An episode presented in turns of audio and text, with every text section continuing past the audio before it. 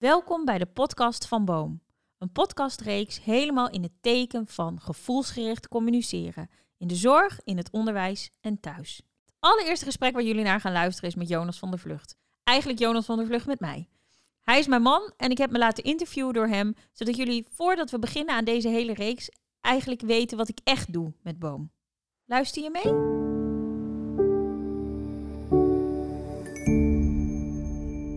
Nou, Bo, daar zit je dan tegenover je man met koptelefoon op Ja. voor een microfoon. Ja. Het is wel bijzonder. Het is zondagochtend ehm, en ehm, we zijn hierheen gereden en we, we gaan gewoon een gesprek hebben om te kijken waarom je nou doet wat je doet en wat je nou eigenlijk doet om dat uit te leggen. En dat weet ik natuurlijk wel deels. Mhm. Maar ik denk dat het wel fijn is ook eh, voor iedereen die luistert om dat goed te weten voordat je deze serie podcast beluistert. Daarom doen we het ook zo dat jij eh, eigenlijk begint, waar ik eigenlijk in de komende tijd eh, in de lead zal zijn. Ja, precies. Want het kan ook voorkomen dat, ik, eh, dat jij hier gaat zitten met iemand uit het zorgveld. Zeker, ja, hè? Of zeker. een specialist op een bepaald gebied, of een psycholoog of een Ja. neurowetenschapper. Ja.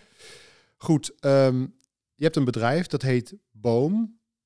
Wat doe je met dat bedrijf? Wat is jullie missie? We hebben als missie gevoelsgerichte communicatie, de basis maken van de zorg, het onderwijs en het gezin. En als ik zeg gevoelsgerichte communicatie en mijn oren beginnen te klapperen, wat is gevoelsgerichte Als je het communicatie? helemaal plat slaat, gaat het er gewoon om dat voordat je handelt, je eerst goed afstemt, incheckt en kijkt hoe het eigenlijk met de ander is. Oké, Dus voordat een arts een gesprek heeft met een patiënt, is het belangrijk om te zien: hey, in welke stressstand staat mijn patiënt? Heeft diegene überhaupt ruimte om de praktische informatie die ik nu moet delen te ontvangen? Voordat je het kind in de klas uitleg geeft, is het slim om eerst te checken: oké, hoe zitten ze erbij vanmorgen? Hebben ze ruimte om te leren? Hè? Eh, en voordat je thuis met je partner, met je kinderen eh, dat bedrijf runt, is het gewoon slim, voordat je ook maar iets doet, dat je even goed kijkt en luistert naar elkaar. Hoe is het met iedereen? maar is dat niet standaard dat je dat doet? Is dat standaard? Dat hoop je dat dat standaard is. Maar we hebben allemaal die momenten dat je zelf overspoeld bent door wat er in je eigen binnenkant gebeurt, waardoor er geen ruimte is voor de ander. We hebben allemaal momenten dat je gewoon te druk bent met de alledaagse dingen, waardoor er geen ruimte is voor de ander. En we hebben gewoon de balans tussen als je als professional met anderen werkt, met kinderen of volwassenen, eh, waar ligt dan de grens? Hè? Eh, hoe sociaal wil je het maken? Want je Ja. moet ook door, bedoel je? Eh, ja, Ja. je moet ook door en je hoeft niet beste vrienden te worden. Hey, ehm, en dit is natuurlijk niet iets wat zomaar op je pad komt. Waar is dit he- deze hele reis ontstaan? Neem ons eens mee. Ik denk dat iedereen een weg loopt in het leven waarbij hij ook eenzaamheid kent. Dus dat er. Grappig hè? Als ik dat zeg, ben ik ook meteen geraakt. Dat is mooi toch? Ja, maar eenzaamheid. Ik denk dat, dat het logisch is dat niemand eh, elkaar helemaal altijd kan zien. Dus je hebt gewoon delen in het leven die je alleen doet. Als kind, als opgroeiende puber, als beginnend volwassene. En op dat levenspad wat je loopt, zijn er gewoon momenten waarop het er waarop het misschien nog net iets eenzamer is dan eh, tijdens de alledaagse dingen. Dus in mijn geval toen mijn vader stierf, of eh, toen we verhuisden. Of gewoon er zijn van die grote momenten die voor iedereen emotioneel zijn. Waardoor het logisch is dat je even geen ruimte voor elkaar hebt. En waardoor het ook logisch is dat er eenzaamheid ontstaat. Dus dan word je even niet gezien door de ander. Door Dan word je even door de ander e- eh, eh, niet gezien, want dat kan niet. En dat geeft ook niet. Ik denk alleen dat het belangrijk is, zeker als het om professionals gaat, dat er wel mensen op je pad zijn die bewust, doelgericht, degene in je leven kunnen zijn die jou even zag. Mhm. Dus als je daar laagdrempelig de tools voor ontwikkelt, of gewoon in mijn geval vier stappen die ik je leer, waardoor je dat in kunt zetten op elk moment, Mhm. dan kun je voor een ander even degene zijn die als die terugkijkt in zijn leven, dat hij zegt, ja, maar die, die zag me even echt. Ja. En ik denk dat het belangrijk is, niet om al door elkaar helemaal te zien. Dat is een illusie. Mhm. Maar je wilt toch diegene zijn die dat wel even voor een ander was. Hoe komt het dat wij elkaar, eh, nou niet wij, maar dat de mens aan zich, zeg maar, elkaar zo weinig echt ziet? Ik denk dat dat komt omdat we eh, in de basis. ehm, is de gevoelswereld eigenlijk iets wat we vinden dat vanzelf gaat. Hè? Dus je groeit op en je gaat naar school en je de ouders die je hebt, die zijn er. En eh, de eventueel broertjes en zusjes en de omgeving. En op school leer je dan eh, enigszins met elkaar spelen. ehm, maar gewoon proactief daadwerkelijk aanleren hoe je met gevoelens omgaat. Is niet een vak op school. is niet een vak op school. En hoe je met gevoelens van de ander omgaat, is dan nog iets wat misschien bij een goede leerkracht bijvoorbeeld wel eens te sprake komt. Of bij een eh, oplettende ouder. Maar proactief überhaupt aanleren hoe je met je eigen gevoelens omgaat. Dus als jij mij vraagt waarom zien we elkaar dan niet? Ik denk dat we elkaar wel degelijk zien. Ik wil niemand eh, helemaal in een hoekje drukken. We hebben allemaal momenten dat het lukt, denk ik. Mhm. Maar ik denk dat het vooral lukt op momenten of dat je zelf niet geraakt bent, of dat je dusdanig met je eigen gevoelens oké bent, dat je een open gesprek of een open contact aan durft te gaan, omdat je niet bang bent voor wat het met jezelf doet. Ik denk namelijk dat daar de crux zit, dat heel veel mensen het spannend vinden om echt in contact te gaan, omdat ze het ook spannend vinden wat het met hen zelf doet, als daar veel gevoel bij komt kijken. Ja, je hebt natuurlijk een innerlijke criticus die de hele tijd tegen jezelf kletst.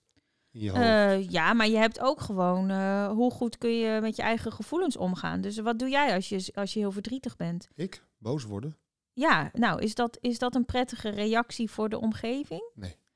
Zeg ik heel subtiel als jouw vrouw. nee, maar ik bedoel, eh, dat is jouw reactie op, op, eh, op heel veel gevoelens. Is jouw eerste reactie boosheid, hè? Ja, ja. Vervelend vind Dus- ik dat, dus- oh, als ik daar ben, is zo vervelend. Ja, maar dat snap ik. Maar dat betekent dus ook dat ik me voor kan stellen dat jij mijn gevoelens, eh, als ik geraakt ben, wil omzeilen. Mhm. Want wat gebeurt er namelijk als ik bijvoorbeeld heel verdrietig ben? Dan krijg jij ook gevoelens. Ja. En hoe laat je dat zien? Wat komt er eerst naar boven? Boosheid. En dat vind je heel onprettig. Ja. Dus is het makkelijker om niet helemaal echt contact met mijn gevoelens aan te gaan, dan dat je door je eigen boosheid moet akkeren. Oké, laten we weer even helemaal uitzoomen met een helikopter. Ja, Ehm, wat, wat moet ik dan doen? Als ik jou helemaal wil zien? in therapie. Wat ik de basis vind van alles, is dat je eerst eens inzichtelijk maakt, eh, hoe doe ik Mhm. als ik zelf veel voel? Dus hoe die stappen lopen. Ja, Wat gebeurt er in jou? En dat hoeft heus niet helemaal tot aan diepgaande systeemopstellingen. Dat Mm. mag. Mhm. Ben ik groot fan van om wel te doen. Maar je kunt ook gewoon eens eventjes aan mensen in je omgeving vragen: hey, wat zie je aan mij als er, als er veel stress komt? Of wat zie je aan mij als ik heel erg eh, blij ben? Of zijn er een soort kenmerken van jouw persoonlijkheid die steeds terugkeren op het moment dat er veel Emotie is. emotie, veel gevoelens? Weet je wel, wat, wat gebeurt er dan met jou? Afgeleid, word ik afgeleid. Wanneer? Toch, dan, ga ik, dan vlucht ik in, de tele, in mijn telefoon of in werk als er veel emoties of als er veel Nou, gebeurt. kijk, er zijn natuurlijk twee verschillende dingen. Hè? Emoties is je zichtbare gedrag, zo, zo kun je het een beetje chargeren. En gevoelens is eigenlijk de diepgaande laag die daaronder zit. Mhm. Dus als jij voelt dat er allerlei oppervlakkige emoties om je heen gebeuren, Ja. dan ga jij afleiden. Dus dan ga je jezelf afleiden. Hè? Ja, dan ga je in je telefoon of Vlucht ik een beetje eigenlijk. dan vlucht je een beetje. En waarom vlucht je dan? Omdat je eigenlijk het dieperliggende gevoel, namelijk dat je geraakt bent door Ver- wat er verdriet, gebeurt, Waarschijnlijk zit eronder. Ja. Ja, ja, ja. daar wil je eigenlijk niet naartoe. Nee, want dat is heel oncomfortabel. Ja, en omdat je dan op een gegeven moment, stel ik zou dan in har eh, ik eh, barst in huilen uit, ik Mhm. noem maar wat.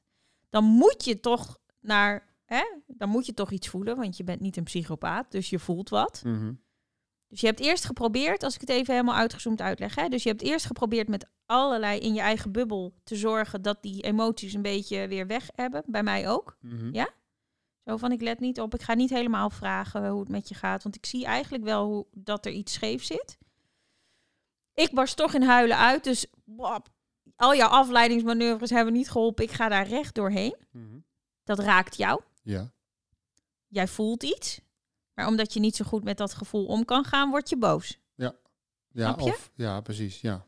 Wat ik namelijk doe, eh, hoe ik het heel lang volhoud, eh, dus wat jij doet met afleiding, is eh, ik hou dingen heel lang vol door compassie te hebben. Ja. Zodat ik denk, oh ja, maar het- hij heeft dat en dat meegemaakt en dat is zijn verhaal en daarom doet hij hoe hij doet. En, en dat is oké, zeg maar. Daar, dat brengt me ook ver, omdat je daadwerkelijk er voor iemand kan zijn. Zeker. Eh, Weet mits, ik, ja, mits weet ik je dan, eh, ja, maar mits je dan niet vergeet om daarna of eh, tijdens dat er voor die ander zijn, dat je wel even alert blijft op wat is mijn eigen behoefte. En doe ik dit nu vanuit liefde of doe ik dit nu om te zorgen zodat jij uiteindelijk een beetje ruimte voor mij hebt? Ja, precies. Ja. En ik doe allebei hoor. Maar soms merk ik dat ik dan. Of ik word heel kritisch, dat kan ik ook doen. Het is gewoon heel simpel. We hebben menselijk contact. En in dat menselijk contact doen we zoals we doen. En dat gebeurt eigenlijk vanuit twee stromen. We doen zoals we doen omdat we ervaringen hebben opgedaan in ons hele leven die ons gevormd hebben. We hebben allemaal behoefte aan, aan contact met elkaar en aan gezien worden.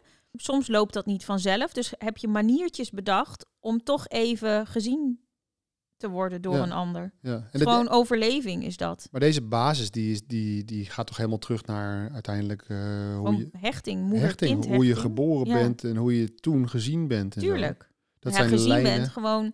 Dat gaat niet alleen over zien, maar ook gewoon over, gewoon over hechting. Over eh, is mijn eh, als een baby geboren wordt en die huilt, wordt dat op de juiste manier beantwoord. Ja.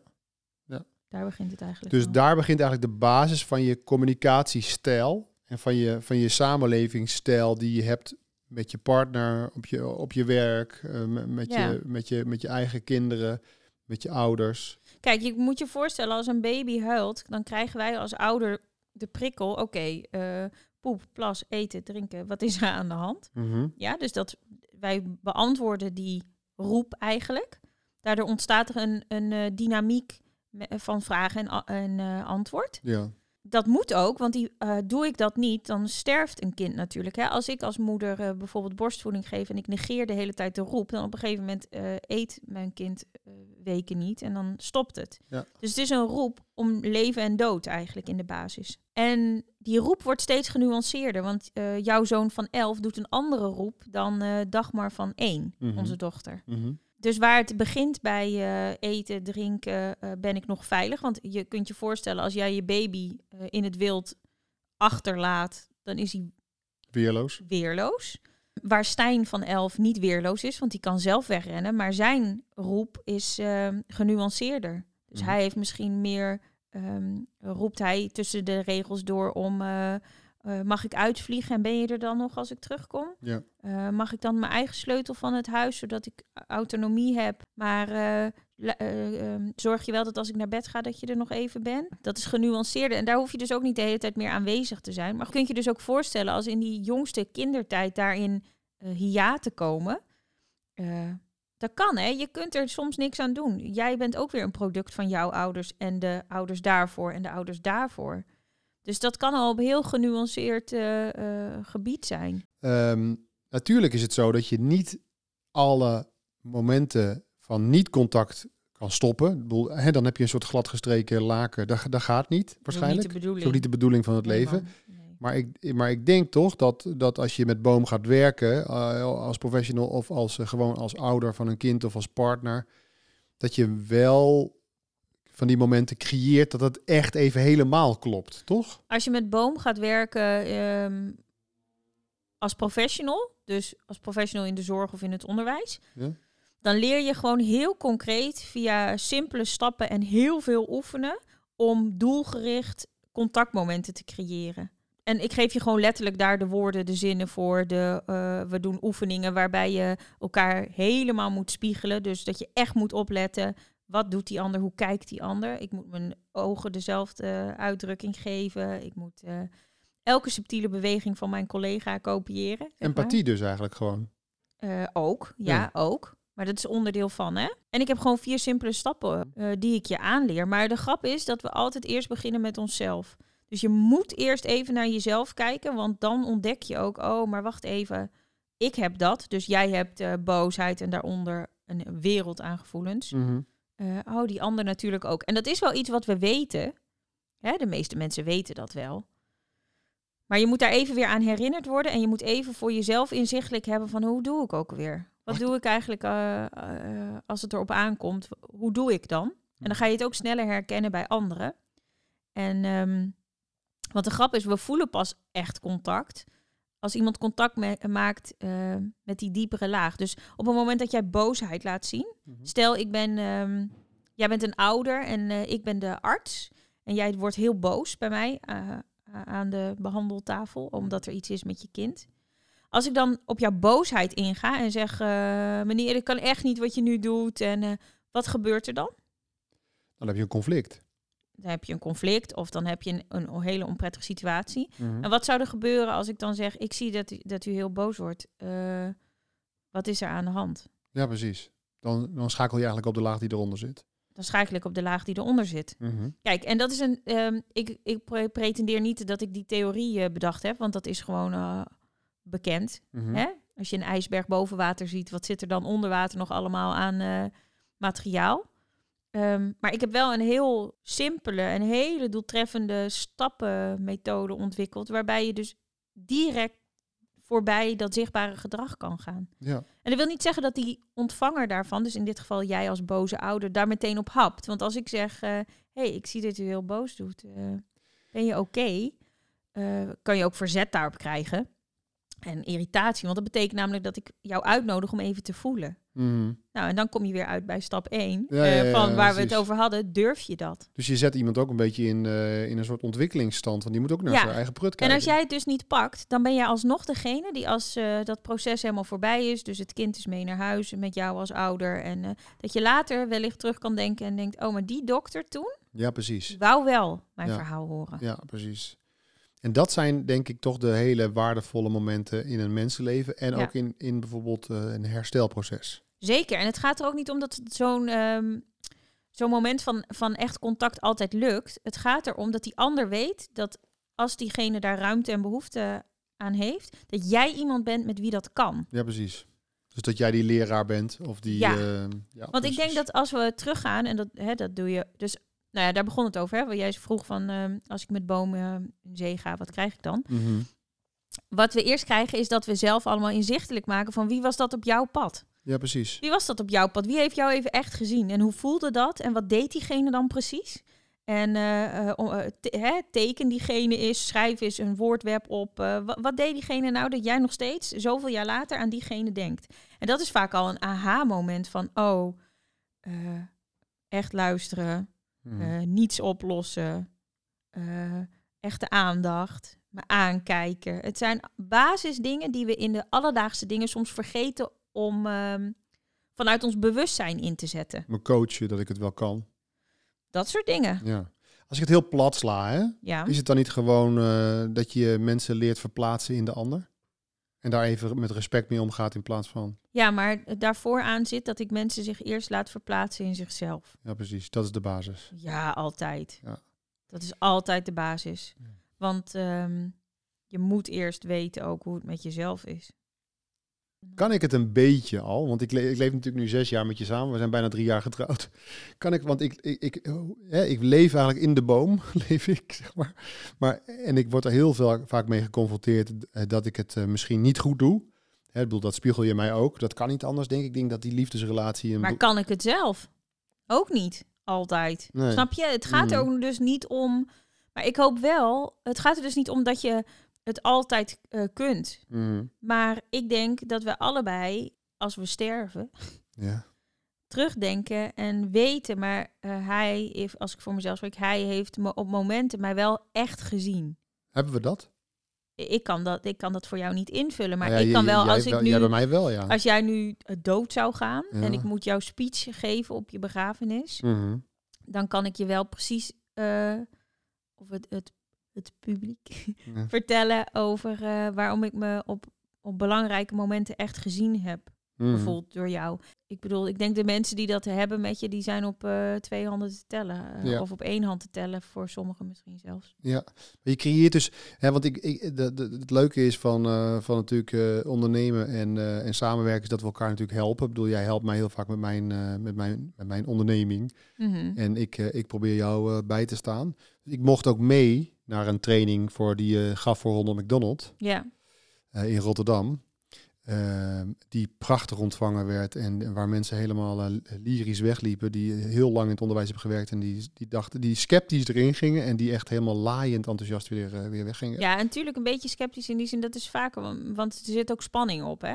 Tuurlijk, het is ook een heel spannend onderwerp. Mhm.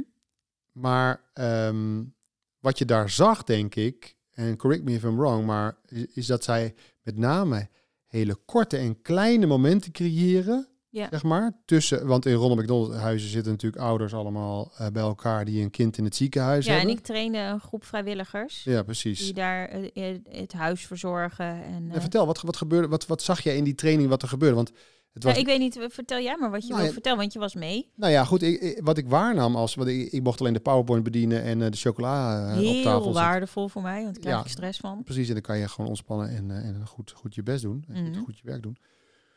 Dus dat vind ik ook een heel leuke, leuke positie. Maar wat ik zag is dat mensen eigenlijk terugkwamen. hè, want ze hadden eerst twee keer een online sessie gehad... en toen een offline sessie waarin we gingen oefenen met allerlei dingen. Mhm. Maar ze hadden dus al die techniek al geleerd online. En wat ze dus ja, wat ze teruggaven aan jou was eh, dat ze al echt de meest prachtige gesprekken hadden gehad. Mhm. Waarin mensen echt helemaal eh, ontspanden en even. Hè, het leek wel alsof dat bijna helend is dan voor iemand die in zo'n stresssituatie Nou zit. ja, het is voor jezelf ook heel lekker als je dus een, eh een praktisch eh, routetje kan lopen en daarmee wel een soort garantie hebt dat je even een mooi moment kan creëren. Mhm. Dus in dit geval vertelde een van de deelnemers dat ze in het huis was waar een moeder zat die daar al heel lang zat. Ehm, ze hadden al twee online sessies met mij gehad, dus ze wist, oké, als ik bij een volwassene in stressstand, Hmm. want dat is als je in het Ronald McDonald huis verblijft, ehm, als ik daar contact mee wil maken, moet ik praktisch beginnen. Dus zij had het gesprek geopend en had gezegd, eh, ik zie dat je hier al eh, een hele tijd bent. En dan is het aan die ander om te kiezen, stap ik in of heb ik geen behoefte? En in dit geval had die vrouw behoefte, dus die zei, ja, we zitten hier al, nou, ik weet het niet meer, maar weken, weken, weken, weken. En, ehm, en toen zei die, had die vrijwilligster gezegd van, eh, maar ik zie dat. Ik zie dat je hier al weken zit en dat jullie elke dag naar het ziekenhuis gaan. En, dus dan ga je op een praktische informatie, open je die ander eigenlijk. Mhm. Terwijl alleen al het feit dat iemand ziet dat jij daar al wekenlang ver van huis zit, terwijl je kind op de intensive care ligt. En dat hè, eh, die praktische opmerking, daar zit natuurlijk een hele laag met warmte onder. Hè? Mhm. Ehm, nou, en toen was er een heel mooi eh, gesprek ontstaan waarbij die moeder in dit geval open was gegaan en haar zorgen had gedeeld. En eh, waarbij deze vrijwilliger eh, De goede stappen doorliep. ja, geval. de goede stappen doorlopen En had. open, En ze ze hield wist- het eigenlijk open. Hè? Zo'n gesprek Nou ja, moet je dan ze- open ja, dat hou je open, want het, het is dan aan de ander of die het pakt of niet. Hè? Nou, Mhm. deze moeder ging open, die ging vertellen over haar kind en wat er aan de hand was en nou, et cetera, et cetera. Eh, en toen wist deze vrijwilliger, oké, stap twee, wil ik dit... ehm, kijk, je, ik, ik haak even ergens op een ander stukje aan hoor. Kijk, Mhm. je kunt ervan uitgaan dat degene met wie jij even echt contact wil maken, in dit geval deze moeder, ehm, die mag niet de gespreksleider zijn. Want die is namelijk met een kind op de intensive care aan het overleven. Ja. Dus als je haar ook nog de taak geeft van jij moet het gesprek vormgeven. Daar is ehm, geen energie voor. Nee, dan gaat ze het niet pakken. Nee. Dus mijn stappen kadert eigenlijk het gesprek, waardoor jij als in dit geval de vrijwilliger de gespreksleider bent. Mhm. En in jouw kader kan die ander even eh, hoe doen. Je creëert een bedding. Je creëert een bedding, maar je laat diegene ook langs jouw stappen lopen. Dus in dit geval opent zij met ik zie eh, dat je hier al heel lang bent. Deze vrouw gaat vertellen. Mhm. En dan op een gegeven moment merk je in het gesprek, oké, ik, eh, ik ben de gespreksleider, dus ik ga even checken of het klopt wat ik gehoord heb. Dus dan zeg je, ik hoor dat je kind dat en dat heeft en eh, eh, ben je erg bezorgd? Of, eh, nou, dan kun je wat vragen gaan stellen om meer informatie. Maar je gaat in ieder geval eventjes verifiëren van, hé, hey, wat heb ik net gehoord? En daarmee, als je letterlijk herhaalt wat die ander zegt, dus als stel deze moeder had gezegd, en ik ben doodsbang dat, dat het niet goed komt, dan zeg je dus je bent doodsbang dat het niet goed komt. Ja. Snap ik. Ja. Dan creëer je namelijk totale ehm, spiegeling ook, waardoor het heel veilig is voor degene die open gaat. Ja. Dus iemand luistert echt naar je. En je houdt dus je eigen eh, crap, Ja, hè, hou je even buiten boord. zeker, want dat doet er niet toe. Nee, want, en want eh, dat is denk ik ook wel wat ik in die training, wat ik je zag doen. Dat is dan heel erg leren ook van, oh ja, als je dus weet wat je eigen crap is, weet je ook wat voor stijl je hebt. En kan je die dus ook buiten boord houden als het er even Ja. niet toe doet. Zoiets, toch? Ja, dus stel, in, dus we gaan terug naar dit moment. Zij heeft het geopend met een praktisch ding. Mhm. Ze heeft het een beetje gekaderd door op een gegeven moment te zeggen: hé, hey, ik hoor je zeggen dat en dat en dat. Eh, klopt dat? Of eh, ik snap het. Of hey, je mag dat wel valideren. Je mag wel je gevoel inleggen, natuurlijk. Dat is empathie. Mhm. Wat je doet op het moment dat eh, iemand aan het vertellen is, ehm, is goed ook bij jezelf blijven inchecken. Hé, hey, wat doet dat met mij? Dus in dit geval, een moeder met een kind op de intensive care, als die mij haar verhaal zou vertellen, ben ik vast geraakt. Mhm. Dus op het moment dat ik voel dat ik geraakt ben, mag je best delen van, oh, het raakt me, het raakt me. Maar dat, daar gaat het even niet over. Dat is belangrijk. Dus praktisch geopend in dit geval. Vervolgens via het ik hoor je, ik luister naar je kader, kon deze vrijwilliger, dus die de gesprekleider was, het gesprek vervolgen. Zij was natuurlijk geraakt. Dat mag je ook laten zien. Hè? Je mag ook tijdens zo'n gesprek je tranen wegdeppen.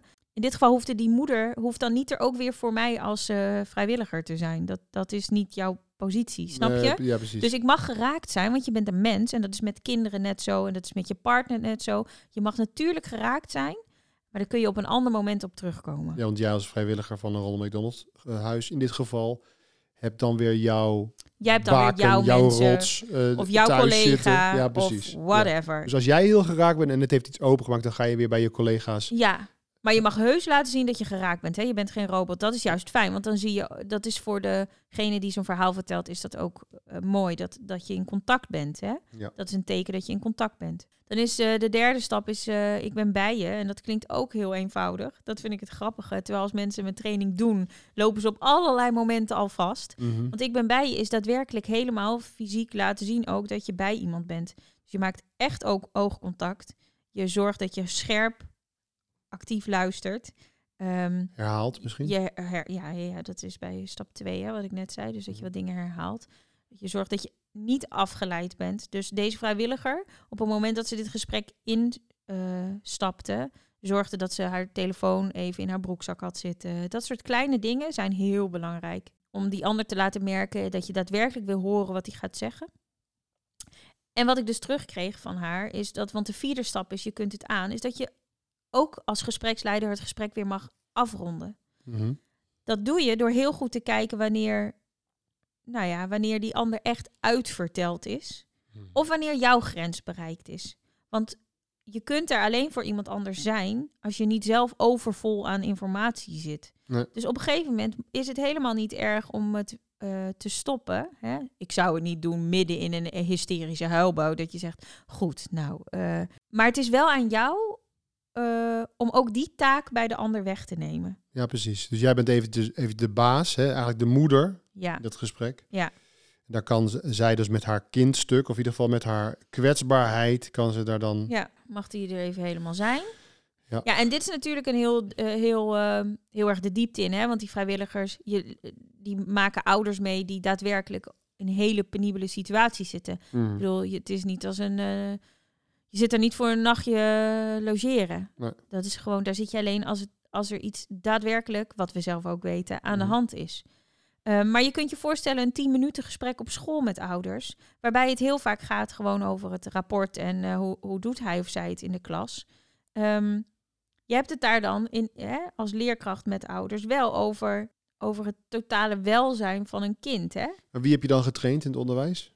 In dit geval, als je zo'n beeld schept, is dat dan de leerkracht? Leerkracht, ja precies. Ja? En wat doet die leerkracht dan goed? Nou, de leerkracht weet dan, stel er is een gesprek waarbij ik moet gaan vertellen dat het uh, minder goed gaat op school, dan drop ik mijn informatie hè, daarover. En dan ga ik eerst even goed kijken wat dat met ouders uh, doet. En ik geef daar even wat ruimte voor. En ik, uh, ik open het gesprek weer met, nou, ik, ik moet jullie vertellen dat Pietje of Klaasje het uh, moeilijk heeft op school. Mm -hmm. En dan open je met, hoe is dit voor jullie? Ja, precies. En dan luister je even echt in plaats van oplossen. Ja, want het punt is, en ik, en ik denk echt, ik, um, kijk, begrijp me niet verkeerd. Ik doe, ik doe wat ik doe niet omdat ik denk dat dit nooit gebeurt, hè? Mm -hmm. Um, ik doe wat ik doe omdat ik graag wil dat het van onbewuste momenten of uh, af en toe momenten naar gewoon, als het ertoe doet, dus bij een moeilijk 10 minuten gesprek op school, moet het ertoe doen dat ouders even gezien worden in hun ouderschap. Dus dat zo'n moment, en 10 minuten gesprek moet je dan even ruim inplannen als je weet van tevoren. Dat is pittig. Dit, ja. ja. eh, de neiging is dan om het direct bijvoorbeeld weer over het kind te hebben. Maar je vertelt ook even aan ouders, jouw kind heeft het moeilijk. Mhm. Dat doet iets met ouders. Dus je moet even ook ruimte creëren, vind ik. Wil je echt een team zijn met ouders om een kind heen, is Mhm. dat je ook even bij de ouders checkt, wat doet dat met jou? Hoe is dat voor jou om te horen? Dat je kind het pittig heeft op school. En dan werk je ook de stappen af, indirect, want je bent gespreksleider. Dus je kunt het ook kort of, zo kort of lang maken als je wil. Mhm. En het, de laatste stap is altijd, je kunt het aan. Dus je eindigt dan bijvoorbeeld zo'n gesprek met, eh, maar we doen dit samen. Mhm. Ik weet hoe jullie erin staan. Ik let hier eh, in de klas, geef ik alles wat ik heb en we doen het samen. Daar creëer je weer veiligheid mee. Ja, en daarmee, ja zeker. En niet bedoeld met dat alles eh, leuk moet zijn of goed moet gaan of weet ik veel wat. Mhm. Maar ook in de storm staan we samen. Ja, precies. Oké, dus, ehm, dus je geeft trainingen in deze stappen. En dat doe je voor Ja. het onderwijs, dat doe je voor eh, de zorg. Ja. En dat doe je voor ouders. Nu heb Ja, je, want privé, dat wou ik nog zeggen. We hebben nu professionals gehad. Maar als ouders run je eigenlijk samen, of je nou bij elkaar bent of niet, ook een bedrijf. Namelijk toko, eh, die opvoeding van die kinderen.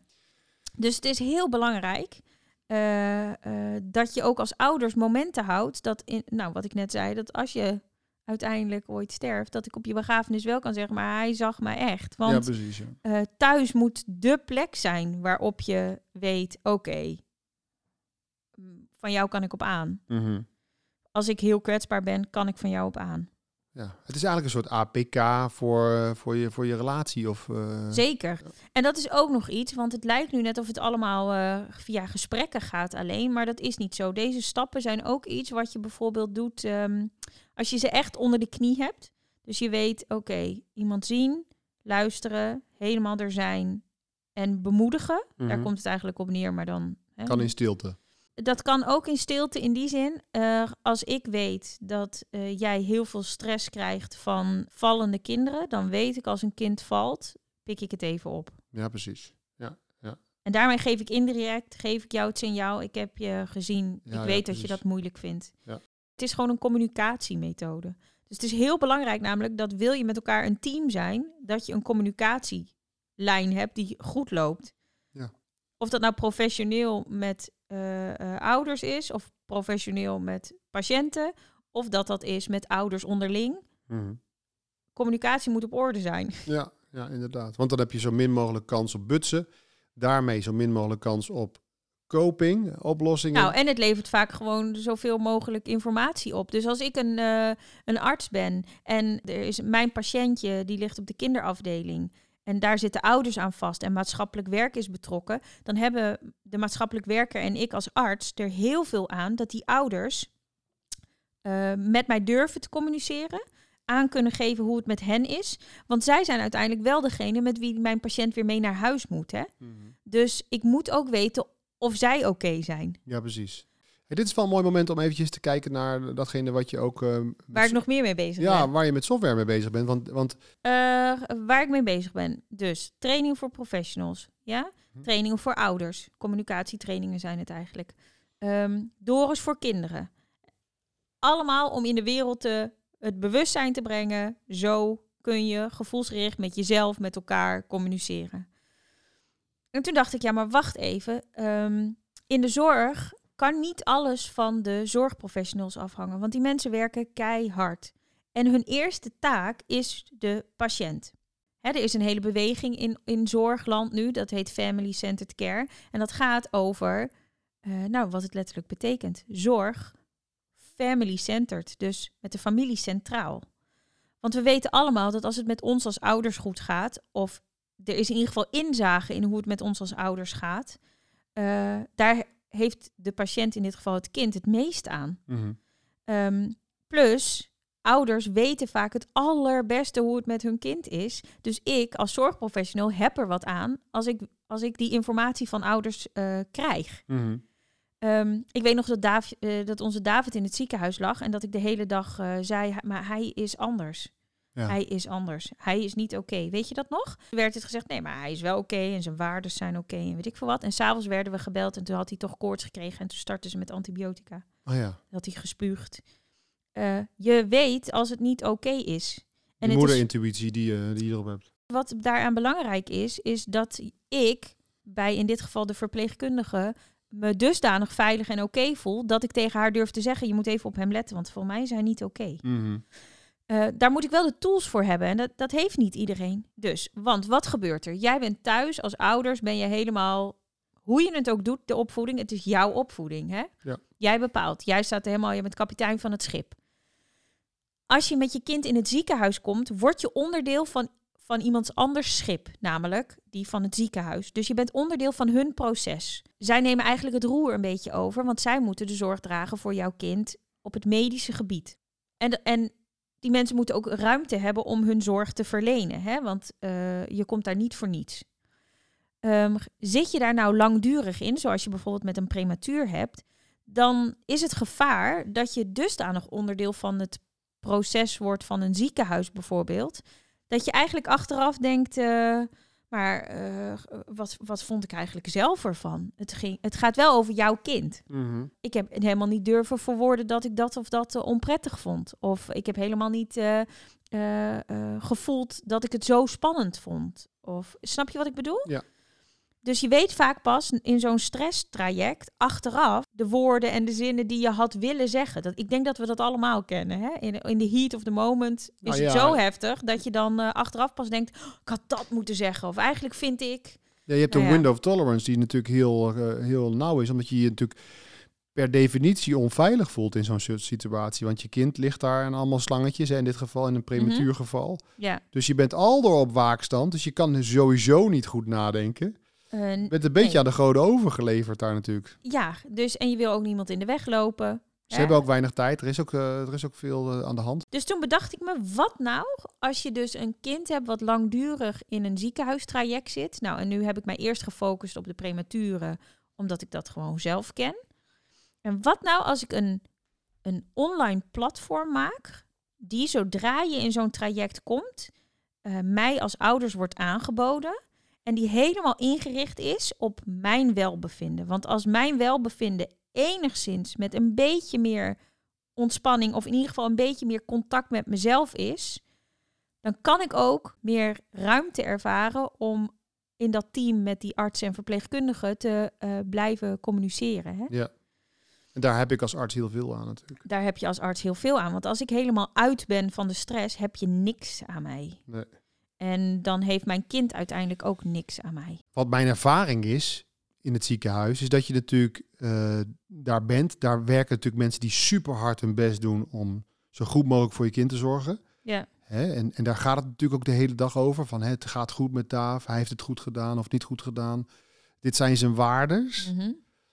Maar die, soms komt het, het is wel voorgekomen van, van oh ja, hoe is het eigenlijk met, met jou? Weet je nog dat ik op de gang stond en dat, jij- Mhm. dat David was blauw geworden? ja Dat was en een heel eng moment. was je, raakte jij in paniek? raakte ik in paniek. Toen zei ik, god, ik ga even koffie halen. Want ik, ik dacht, ik laat de professionals even zijn werk doen om hem weer even bij de pink te, te Mhm. halen, zeg maar. Ik bedoel, voor hetzelfde geld gaat hij dood hè, op zo'n moment. Ik bedoel, eh, Nou ja, dat zijn wel spannende momenten, hè? Want zijn hartslag daalde heel erg en zijn eh, saturatie man, man, daalde man, heel erg. En ik had hem op mij liggen. ja. En toen, eh, hij dipte noem je dan. Dus, dus dan gaat zo'n monitor piep, piep, piep. Ja, dus ik stond En op de was gang. alarm. Nou, en toen rende jij op de gang, want je, je raakte een beetje in paniek. Nou ja, en ik werd ook een beetje boos. Hè, want dat, is dan mijn oplossing. Want dan word je boos. En toen was er iemand die even verder keek dan de boosheid. Ja, dat was fijn. En die zei dan van, durft hij zich wel te hechten?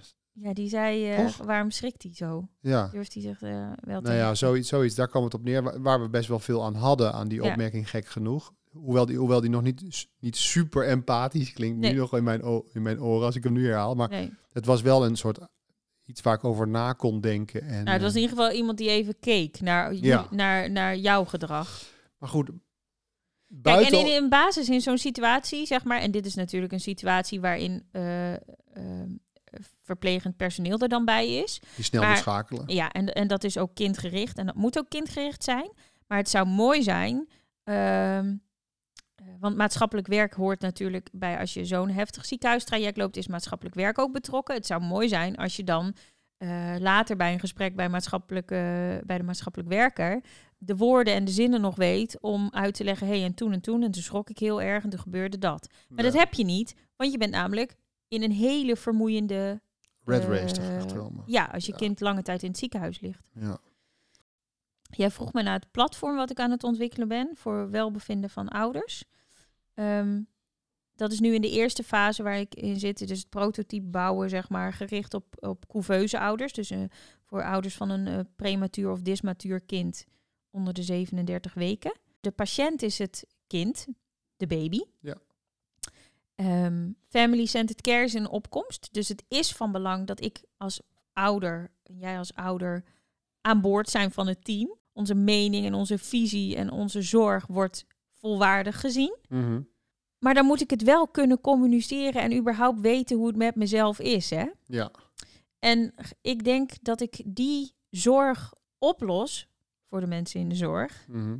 ehm, met het platform wat we aan het ontwikkelen zijn. Ik ontlast hen eigenlijk van een taak om de hele tijd eh, te vragen naast de zorg voor de patiënt. hey, hoe is het met jullie? Is er gewoon een digitaal platform wat daar al op ingericht is? We zoomen weer heel eventjes uit. Je hebt natuurlijk die ouders, die help je met eh, ouders als team. Ja. Die training die staat online. Je, houdt, eh, je helpt teams van professionals natuurlijk. Hè. Of ze Mhm. nou in ziekenhuizen werken of dat ze in het onderwijs werken. Gaat over communicatie middels die vier stappen. hè, Mhm. waardoor je die mooie, echte gesprekken krijgt. Waardoor een proces wat soms lastig is, hè, of een, nou een 10 minuten gesprekje is, of dat het een langer traject is van bijvoorbeeld ouders in een ziekenhuis of wat dan ook. Hè, dat je die momenten creëert. Dat Mhm. is jouw product. Ja. En je bent bezig, weet ik toevallig, omdat ik je eh, behoorlijk wat avonden kwijt ben en dat jij weer zit te vergaderen over dingen, eh, met software. Mhm. Ehm, stel je voor, ik ben een vader of een moeder van een prematuur geboren kindje. En Mhm. ik kom in aanraking met jouw software. Waar, van wie krijg ik het? En hoe gaat het dan verder als ik inlog? Wat gebeurt er dan? Oké, dus kind wordt prematuur geboren onder de 37 weken. Eh, onder de 32 weken moet je dan sowieso in een. eh, ehm, mag je niet meer in een streekziekenhuis bevallen, dus dan zit je nog weer in een ander gebied. Jij bevalt van een prematuur kind. Kind wordt opgenomen in het ziekenhuis natuurlijk. Bij jouw proces is in ieder geval maatschappelijk werk betrokken, want dat eh, hoort als je zo'n eh, intense eh, ritje maakt. Via hen krijg je een inlogcode. Je logt in bij een webapp en daarin, de eerste keer als je daar online gaat, moet je invullen je naam. Heb je een partner, ja of nee? Zo ja, hoe heet die? Dat vul je allebei in. Hè? Ieder heeft zijn eigen app, dus jij als partner hebt weer een andere app dan ik. Ehm, hoe heet je kind? Met hoeveel weken is het geboren? En vervolgens kom je in een totaal gepersonaliseerde omgeving, waarin het helemaal even over jou gaat. Maar ook informatie voor ons tweeën. Je krijgt per week nieuwe content aangeboden die gericht is op de fase waar je in zit, eh, die gericht is op je baby.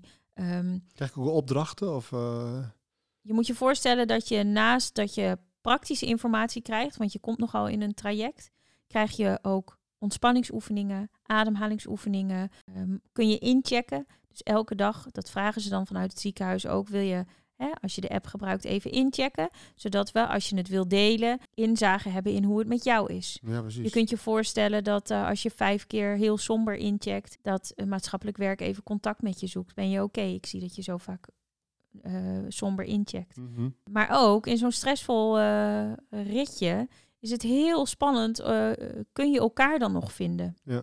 Want dat weten we denk ik allemaal. In, ten tijde van stress eh, reageren we niet allemaal op dezelfde manier. Nou, eh, dan heb je dus, ben je dus ouders geworden of je hebt in ieder geval nog een kind gekregen. En dan moet je nog, eh, als alles goed gaat, hè, dan ga je naar huis. Maar in ieder geval, je, je maakt best wel een, een traject door. Hoe vind je elkaar dan nog? Nou, ook daar krijg je oefeningetjes. Maar ook kleine herinneringen van hou elkaar even vast vandaag. Kleine affirmaties met jij bent precies de vader die David moet hebben. Eh, Mooi, dus je, dus je creëert eigenlijk een soort beschermende laag, zeg maar zeggen, waar ik als ouder ook even mee, mee kan reflecteren. Helemaal. Dus je moet je ook in, eh, je moet je voorstellen, dus platform. eh, nou, eerste keer heb je alle, al je eh, personalia ingevuld. En de volgende keer open ik hem en dan staat er Hi Bo. Mhm. Hoe, hoe is het met David vandaag? En hoe voel jij je? Laten Oh. we even inchecken. Hou ik ook een dagboekje bij van. nou eh, ja, en als je dus dan incheckt, dan is er ook dagboekruimte waarin Ja. je kunt aangeven waarom je in hebt gecheckt zoals je hebt gedaan.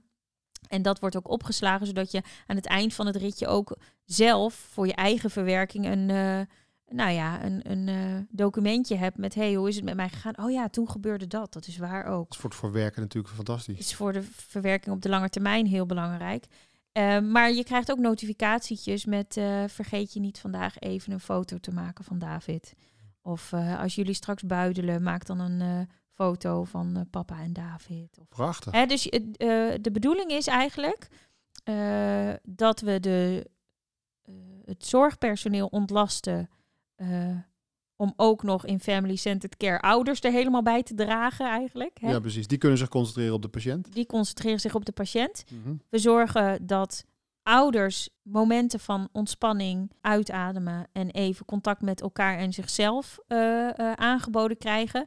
Waardoor ze hopelijk iets meer ruimte ervaren op de momenten dat ze voor hun kind moeten zorgen. Ja. En waardoor ze dus in het team met zorgprofessionals misschien iets meer ruimte in zichzelf ervaren om te kunnen verwoorden wat er met hen is of waar hun behoefte ligt. Dat is gewoon belangrijk.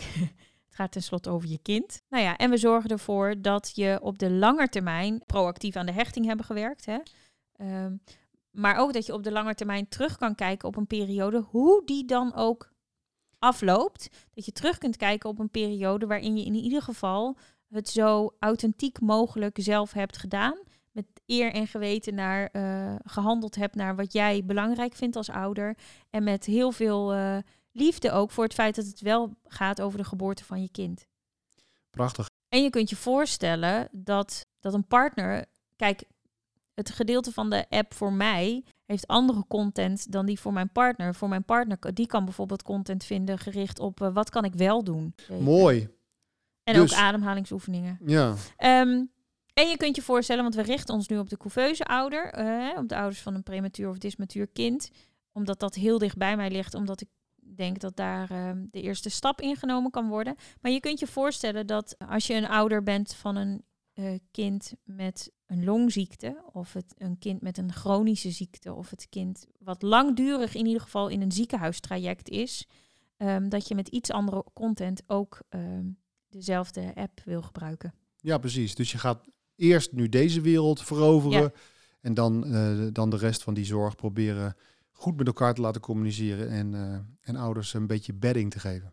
een beetje bedding en een beetje houvast en een beetje autonomie eh, als je in het eh, systeem van zo'n grote orgaan terechtkomt. Leuke Prachtig. woordkeuze, hè, orgaan. Ja, mooi. Prachtige missie. Prachtige missie. Dus gevoelsgericht communiceren in de zorg, in het onderwijs en thuis. Op allerlei verschillende manieren probeer ik dat eh, te bewerkstelligen. Omdat ik denk dat je daar echt contact door krijgt. En dus ook een weerbare, weerbaardere wereld. En in deze podcast ga jij dus regelmatig in gesprek met mensen uit het werkveld, neem Ja. ik aan? Ja. Leuk. Ehm, als je daar, stel je voor ik zit te luisteren en ik, eh, en ik heb een idee. Hoe kan ik je bereiken? mail mij naar mail.boom.nl.